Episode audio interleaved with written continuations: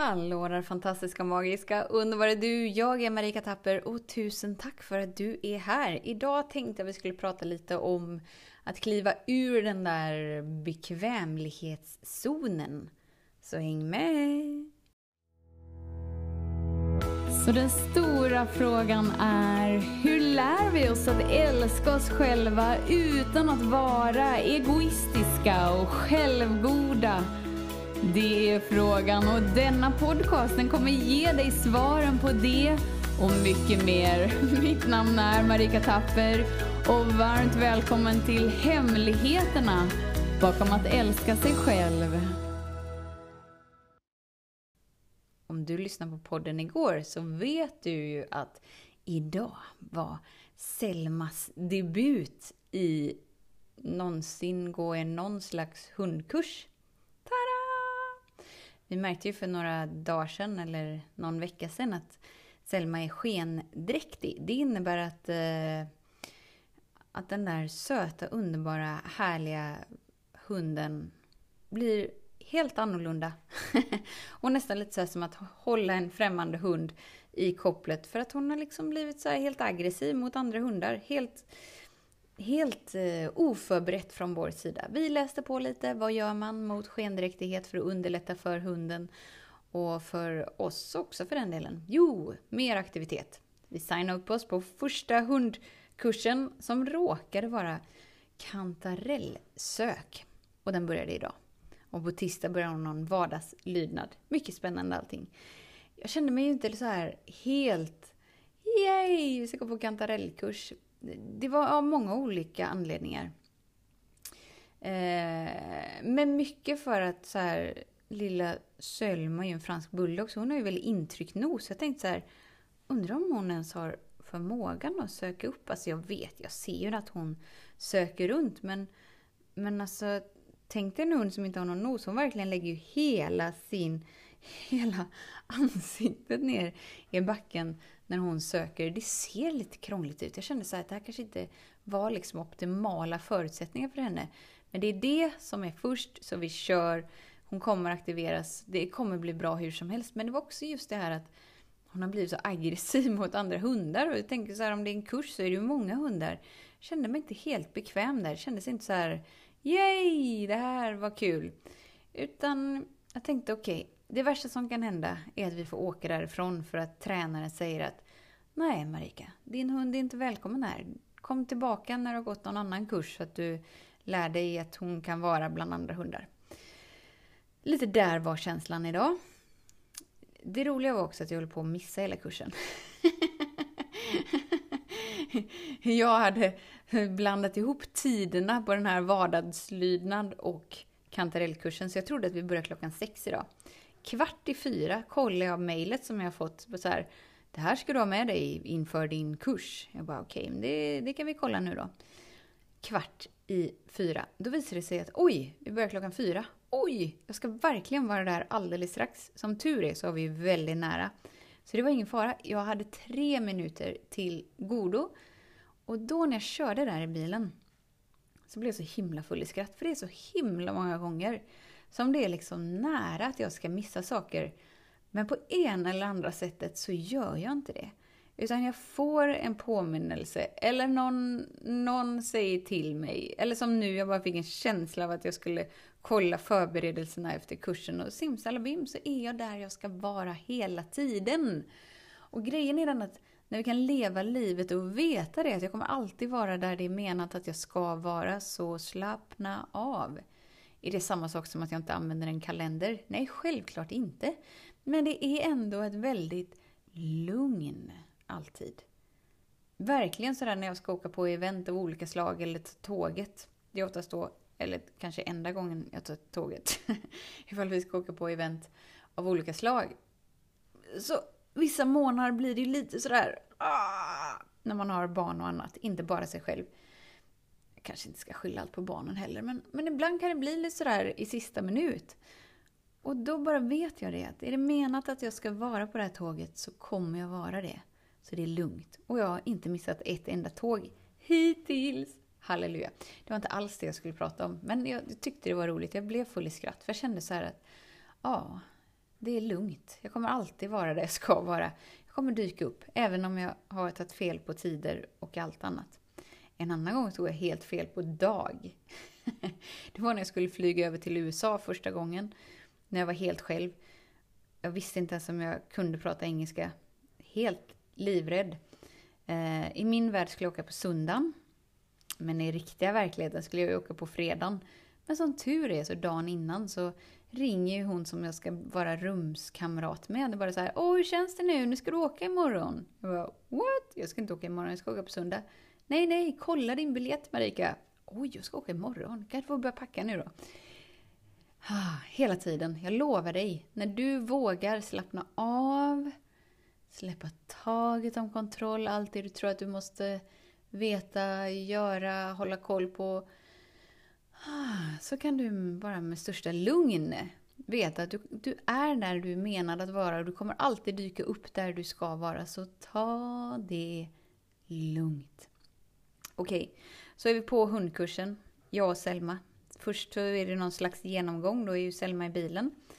Känns ju helt okej okay ändå. Gick in i rummet. Jag tänkte så här att det kommer ju vara jag och massa pensionärer. Men så var det faktiskt inte. Inte så många pensionärer, utan faktiskt en del unga människor också. Det är någonting när det är såna här grejer och det är någon slags lärare, att ingen sätter ju sig nära läraren. Jag vet inte varför. Så jag kände så här, äh, jag sätter mig väl här framme då, det går bra. Och så sitter jag där och så börjar han prata och jag insåg hur spännande det är med nosarbete med en hund. Jag kände så här, wow, jag har ju missat hela grejen med att ha hund. Det här med nosarbete är ju fenomenalt att jag inte använt det innan. Nu har vi inte haft den i så många månader, men, men wow, jag var så himla glad att jag satt där. Och sen var det ju då en sån slags eh, genomgångsrunda. Så här, presentera dig, säg vilken hundras du har, säg om ni har gått eh, kurser innan och hur hunden uppfattas tillsammans med andra hundar. Det är bra för mig att veta. Ja, och då börjar ju den ena efter den andra. Vi har gått de kurserna och vi har en sån här hund. Och det bara kändes som att, okej, okay, typ, jag kände mig i underläge, var känslan. Och av någon konstig anledning så blev alla valda innan mig att prata. Det skulle ju egentligen inte gjort något. Men för varje person som pratade så insåg jag ju att jag har verkligen noll koll badboll på det här och jag vet inte ens om vi får stanna kvar på kursen för jag vet inte hur Selma kommer vara tillsammans med de andra hundarna. Så liksom när det är, när jag fattar att nu är det min tur för nu finns det ingen annan, kommer värsta energin inombords. Så det är så här, wow, det här skulle jag verkligen ha värderat som nervositet innan. Men jag behöver inte göra det, för jag vet ju att det som är inom mig är bara här för att frigöras. Så jag bara så här, hmm, bara andades lite. Och så var det min tur då. Efter alla rundor som de har gått alla sina kurser. De är så duktiga, de har så fina hundar och allt är så bra. Jo, men när jag har Selma, en fransk bulldog, jag vet helt ärligt inte om hon klarar av den här kursen. Eh, vi märkte att hon var skendräktig, vilket har gjort att hon har fått väldigt annorlunda humör, speciellt i mötet med andra hundar. Eh, lite så här aggressiv, otippat. Det känns som att jag håller en främling ungefär. Ja, det är ju det är alltid skönt att sätta ord på hur det är, men det var ändå obekvämt. men sen, när vi kommer ut och jag bara tar ut Selma i bilen, för jag hade liksom så här köpt extra god. Det är det med lille Selma och fransk bulldog. Alltså de har så känsliga magar. Så det här med godis och äta mat som inte är torrfoder är inte deras starka sida. Alltså hon blir så dålig i magen med en gång. Så att vi har ju hållit henne mer eller mindre på bara torrfoder, super lite godis. Men nu känner jag så här, okej okay, nu är det kurs. Nu är det tydligen viktigt att man ska ha extra gott godis. Så jag hade åkt och köpt så här, frågat, hon har känslig mage, det måste vara supergott superbra, hej och hå. Så att jag fick värsta så här, 95% kött. Det här kommer gå bra för hennes mage. Det här kommer hon tycka är supergott. Okej, vi kör på det. Och det visar ju sig att hon älskar ju detta, självklart. Kan ju tänka sig när man bara får äta tor tråkigt torrfoder och helt plötsligt får köttbitar nästan framför sig. Hon märkte ju inte ens att det var andra hundar, var min upplevelse. Det är klart hon gjorde. Men hon var så fokuserad på det här godiset. som hon bara älskade. Och hon var så fenomenalt duktig. Alltså nu var det inte att vi sökte upp kantareller. Utan man stoppar liksom några kantareller i ett eh, provrörsliknande. Och så höll man fram det. Och så varje gång hon var där och nosade så gav man en godis. Höll fram det varje gång hon nosade, en godis. Det var så här, wow, jag kan det här. Jag kan gå på hundkurs, på en kantarellkurs. Selma kan det här. Alltså jag var helt lyrisk. Det var så himla kul. Allt gick helt exemplariskt. Och då tänker jag så här. Tänk om jag hade tänkt logiskt om den här kursen. Då skulle jag aldrig ha signat upp mig. För jag hade liksom dels bara så här underkänt Selma. Hon kan inte det här. Och så här känslan av att jag kan inte lita på henne i hundmöten precis just nu för att hon är helt knasig. Nej, vi skiter i det här. Vi gör inte det här. Då skulle jag ju gått miste om hela den här mysiga träningsstunden tillsammans med Selma. Och också så här fått informationen om hela nosgrejen. Det är som att jag inte har fattat att hur bra den där nosen är. Jag är så himla tacksam. Och det är just det att när vi vågar göra val som är utanför vår bekvämlighetszon, alltså lite obekväma, då ligger det jag skulle vilja säga alltid, men jag vågar inte säga alltid. Men jag säger ofta. En sån skön tillfredsställelse efteråt. Om du bara är van, du kanske är en sån här tävlingsmänniska, prestationsmänniska, bara så här. Jag ska springa varje obekvämlighets, eh, nej, bekvämlighetszon, wow, wow, wow. Så är vi så vana vid att pusha liksom. Det finns väldigt många metoder som är väldigt kända och väldigt stora som handlar om att du hela tiden liksom ska gå emot dig själv nästan. Utmana dig själv. Ah. Men det ger ingen skön, härlig känsla och egentligen ingenting inom dig är oförändrat utan du har liksom bara krigat dig fram.